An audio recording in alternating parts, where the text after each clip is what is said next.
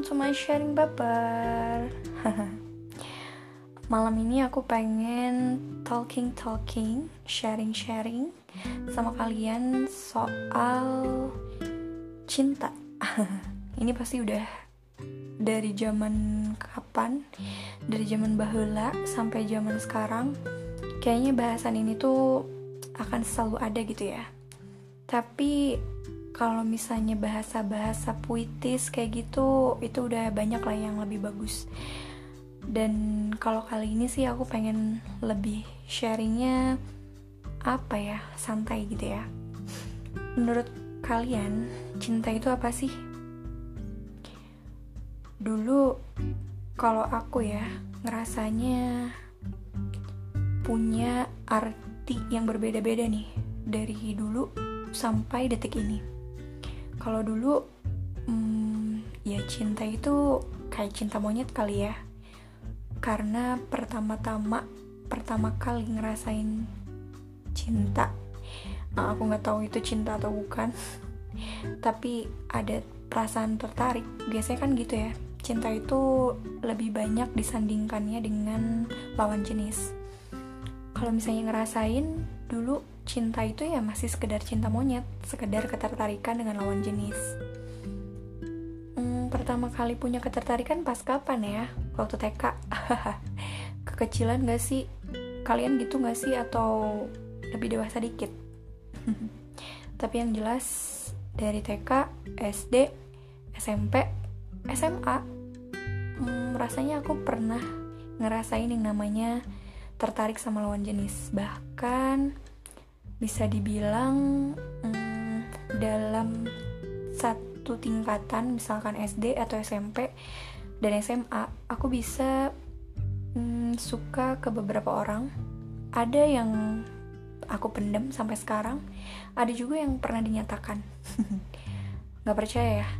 Buat yang kenal aku dari lama sih pasti percaya. Eh hmm, bukan gitu juga maksudnya udah tau lah ya beberapa kisah aku sebelumnya tapi baru beberapa tahun yang lalu ini aku punya hmm, sudut pandang yang berbeda soal cinta. Kalau dulu cinta itu sekedar ya tadi rasa ketertarikan sama lawan jenis dan terus kepikiran sama orang itu everywhere, every time, every when gitu ya, every when, everywhere selalu kebayang gitu sama orang itu. Tapi ya beberapa tahun yang lalu belakang ini belum lama ini juga aku punya sudut pandang yang berbeda. What is that? Um, mungkin buat sebagian orang ya di usia aku yang sekarang juga gitu ya. Mungkin masih ada yang beranggapan kayak gitu.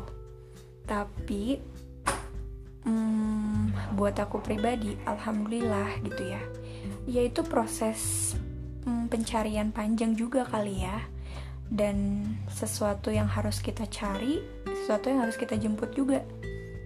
Seiring dengan perubahan circle uh, life gitu ya life circle kita lingkungan pertemanan kita ya itu sedikit banyaknya bakal ngerubah cara pandang kita terhadap sesuatu termasuk tentang cinta. Oke langsung aja. Mungkin di zaman sekarang lagi ngetren-ngetrennya juga istilah bucin atau budak cinta ya. Ya bisa dibilang orang yang bucin itu adalah yang mau pasangannya banyak kekurangannya tapi itu tertutupi dengan besarnya rasa cintanya mungkin ya atau sayangnya itu.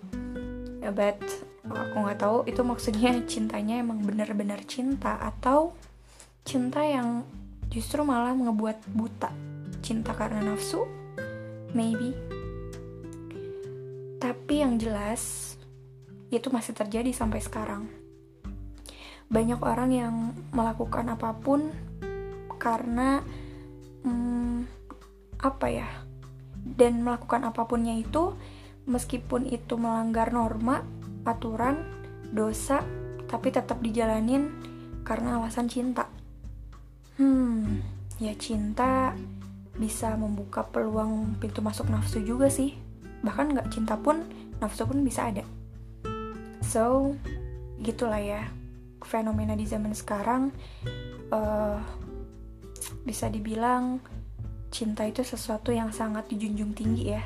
Selain uang selain harta tahta cinta salah satunya. Tapi hmm, buat aku pribadi aku pernah ngerasain yang namanya gini loh. Ketika aku ngejalanin cinta misal uh, sebutlah hubungan spesial kali ya sekarang tuh mungkin kalau di zaman usia aku tuh udah nggak ada lagi yang kayak pacaran istilahnya. Tapi uh, deket cuma temenan tapi spesial gitu kali ya. Teman deket ya udah arah serius deh. Ya tapi gitu aktivitasnya nggak jauh beda lah sama pacaran. Oke okay, next. Hmm, aku pernah berpikir kalau dan hasil olah pikir, olah rasa mungkin ya dan sharing-sharing juga aku berpikir dan aku merasakan bahwa uh, cinta itu adalah ketika kita ingin memberikan surga kepada dia seperti kita menginginkan surga untuk diri kita sendiri. Oke. Okay. Anggaplah misal aku atau kamu kita suka sama seseorang nih. Kemudian kita pacaran terus kita ngejalanin hubungan yang spesial. Ya kalau misalkan berdasarkan agama sih kan nggak ada ya uh, sesuatu yang halal sebelum akad tentunya. So di sebelum selama belum dihalalkan berarti statusnya masih haram apa pun yang dilakukan. Entah itu cuman sebatas chatting, telepon-teleponan, intens, tanya kabar, panggilan sayang, dan macam-macamnya lagi. Tapi sadar gak sih, meskipun tanpa label pacaran, dengan kita rutin chatting, dengan adanya timbul perasaan, kemudian si dia terbayang-bayang, ya itu tuh udah apa ya setidaknya mungkin mengotori ya mengotori hmm, hati kita yang seharusnya lurus dan belum uh, memikirkan ke arah sana. Ya karena belum menikah tadi. So ya itu hal-hal yang kecil ya. Ya bahkan bisa juga hal-hal yang besar juga dilakuin sekarang udah banyak. Tapi nauzubillah ya jangan sampai. Dan kalaupun pernah semoga bertaubat dan tidak melakukannya lagi. Nah, next itu ya. Selama kita ngejalanin hubungan meskipun itu tanpa status pacaran, label pacaran, tapi aktivitasnya sama aja kayak pacaran, ya menurutku sih itu udah tadi uh, sedikit tidak banyaknya uh, mengotori hati kita yang tadi lurus gitu kan Nah, jadi kalau kita masih dan mengakui gitu ya kalau kita itu cinta sama orang itu, hmm, coba deh dicek lagi beneran gak sih kita tuh cinta sama orang itu? Karena coba deh dibayangin kalau kita cinta sama orang itu, tapi ketika sekarang kita ngejalanin sama orang itu, kita chattingan terus, nelponan intens, nanya kabar, panggil-panggil sayang, terus ketemuan intens dan banyak-banyak hal lain yang dilakukan. Itu tuh menabung dosa entah seberapa banyaknya dan itu kalian tabung berdua atas nama uh, cinta gitu. So apakah cinta itu seperti itu? Menabung tadi.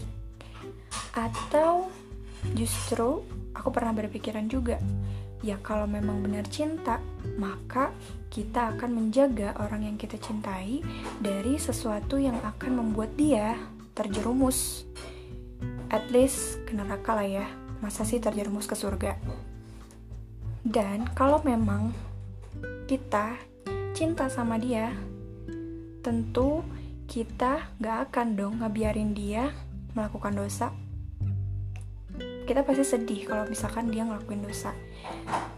Meskipun dosanya itu ternyata di atas namakan sayang atau cinta sama kita.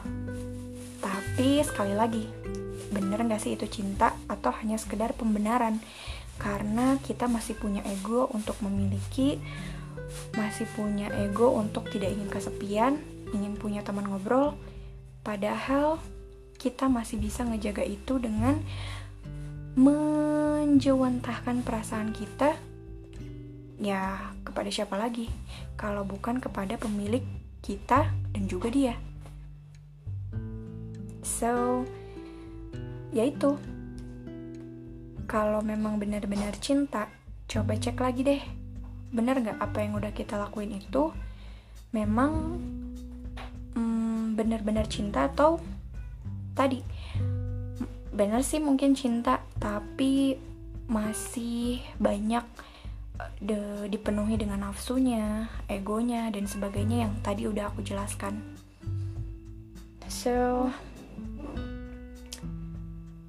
ya kamu juga tahu kan kalau misalnya nih laki-laki megang perempuan aja kan itu katanya apa? Ada bahkan riwayat uh, kalau misalkan laki-laki itu dulu gitu ya daripada dia menyentuh wanita, maka lebih baik dia ditusuk oleh paku. So begitu apa ya? Begitu besarnya kan berarti uh, punishment yang harus dirasakan oleh laki-laki yang menyentuh uh, perempuan sampai segitunya loh.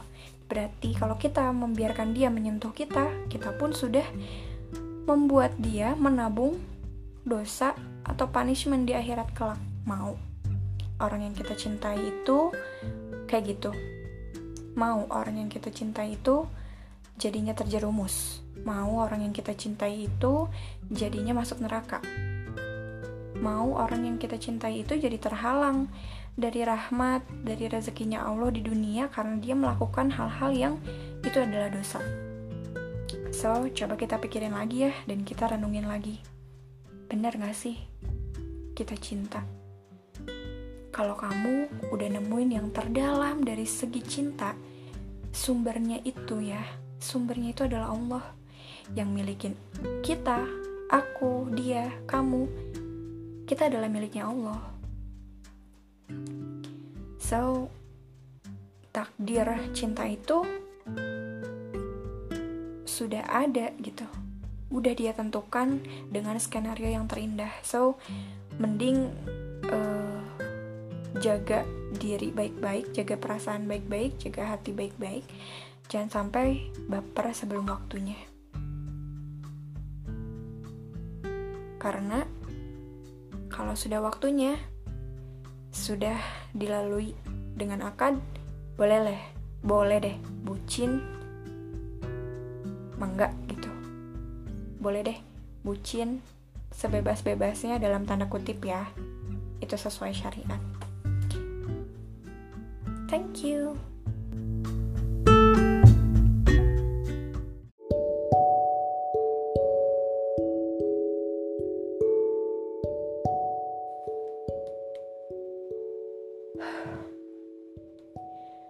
Apa yang kamu lakuin kalau kamu lagi punya masalah yang menurut kamu itu berat banget buat kamu? Mungkin kalau perempuan dia akan nangis. Dan itu cara termudah untuk melampiaskan apa yang ada di dalam perasaannya. Kalau laki-laki aku kurang tahu juga ya. Tapi yang pasti mungkin kita bisa aja curhat ke temen yang jadi masalah kita, apa yang jadi beban pikiran kita. Seenggaknya kita bisa lega dengan cerita ke orang lain. Tapi tahu gak sih tempat curhat ternyaman dan tempat curhat terbaik? Ya, ketika kamu sendiri di mihrab sholat, sujud, dan berdoa, dan mengadukan semua masalah kamu kepada Allah. Karena sejatinya masalah itu ada dari Allah berikut dengan solusinya. Cuman kitanya aja yang harus sabar dan mesti um, berdoa supaya diberikan solusi yang terbaik dari Allah. Dan yang perlu digarisbawahi juga bahwa solusi ini bukan berarti yang terbaik menurut kita, tapi adalah solusi yang terbaik menurut Allah. Karena yang terbaik menurut kita belum tentu yang terbaik menurut Allah. Jadi tumpahinlah semua masalah, semua apa pun yang ada di pikiran dan apa yang kamu rasain, ya ke Allah curhatnya. Karena Allah tuh seneng banget kalau misalkan hambanya itu bergantung, bersandar, meminta pertolongan hanya kepada dia. Allah tuh seneng banget ketika kita tuh bisa khusyuk bermunajat memohon kepadanya. Dan yang pasti curhat ke Allah itu teraman dan terbaik dan udah pasti solusinya pun datang dari Allah. Adapun ke teman atau ke manusia ke manusia yaitu cuman sekedar apa ya perantara aja. Tapi sejatinya kalau kita punya masalah ya aduinlah semua itu kepada Allah. Atau kadang kita suka ngerasa kita tuh kayaknya punya masalah berat banget lebih dari orang lain.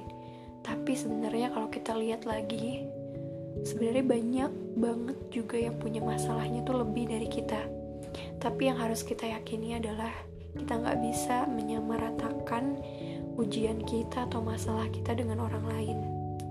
Karena pasti akan berbeda setiap orangnya. Karena Allah itu memberikan ujian sesuai dengan uh, kesanggupan hambanya. Jadi, kalau kita dikasih ujian, kita dikasih masalah sama Allah, udah pasti kita bisa melaluinya karena balik lagi ke tadi dan tadi pun ada di ayat Al-Quran. Jadi it's real. Seberapa besar pun masalah kamu hari ini Allah gak minta kita untuk memikirkannya sampai kita pusing sendiri. Tapi Allah cuma meminta kita untuk sabar dan sholat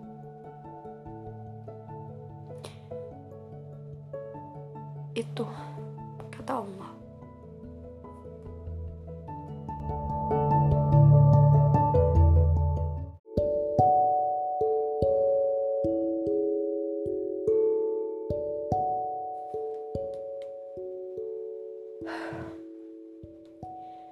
Apa yang kamu lakuin kalau kamu lagi punya masalah yang menurut kamu itu berat banget buat kamu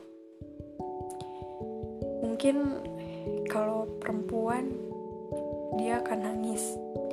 Dan itu cara termudah untuk melampiaskan apa yang ada di dalam perasaannya. Kalau laki-laki aku kurang tahu juga ya. Tapi yang pasti mungkin kita bisa aja curhat ke temen mendengarkan apa yang jadi masalah kita, apa yang jadi beban pikiran kita. Seenggaknya kita bisa lega dengan cerita ke orang lain. Tapi tahu gak sih tempat curhat ternyaman dan tempat curhat terbaik? Ya, ketika kamu sendiri di mihrab sholat sujud dan berdoa dan mengadukan semua masalah kamu kepada Allah karena sejatinya masalah itu ada dari Allah berikut dengan solusinya. Cuman kitanya aja yang harus sabar dan mesti um, berdoa supaya diberikan solusi yang terbaik dari Allah. Dan yang perlu digarisbawahi juga bahwa solusi ini bukan berarti yang terbaik menurut kita, tapi adalah solusi yang terbaik menurut Allah. Karena yang terbaik menurut kita belum tentu yang terbaik menurut Allah. Jadi tumpahinlah semua masalah, semua apa pun yang ada di pikiran dan apa yang kamu rasain, ya ke Allah curhatnya. Karena Allah tuh seneng banget kalau misalkan hambanya itu bergantung, bersandar, meminta pertolongan hanya kepada Dia. Allah tuh seneng banget ketika kita tuh bisa khusyuk, bermunajat, memohon kepadanya. Dan yang pasti curhat ke Allah itu teraman dan terbaik dan udah pasti solusinya pun datang dari Allah. Adapun ke teman atau ke manusia, ke manusia yaitu cuman sekedar apa ya perantara aja. Tapi sejatinya kalau kita punya masalah ya aduinlah semua itu kepada Allah. Atau kadang kita suka ngerasa kita tuh kayaknya punya masalah berat banget lebih dari orang lain tapi sebenarnya kalau kita lihat lagi sebenarnya banyak banget juga yang punya masalahnya tuh lebih dari kita tapi yang harus kita yakini adalah kita nggak bisa menyamaratakan ujian kita atau masalah kita dengan orang lain. Karena pasti akan berbeda setiap orangnya. Karena Allah itu memberikan ujian sesuai dengan uh, kesanggupan hambanya. Jadi kalau kita dikasih ujian, kita dikasih masalah sama Allah, udah pasti kita bisa melaluinya. Karena balik lagi ke tadi, dan tadi pun ada di ayat Al-Quran. Jadi, it's real. Seberapa besar pun masalah kamu hari ini, Allah gak minta kita untuk memikirkannya sampai kita pusing sendiri tapi Allah cuma meminta kita untuk sabar dan sholat.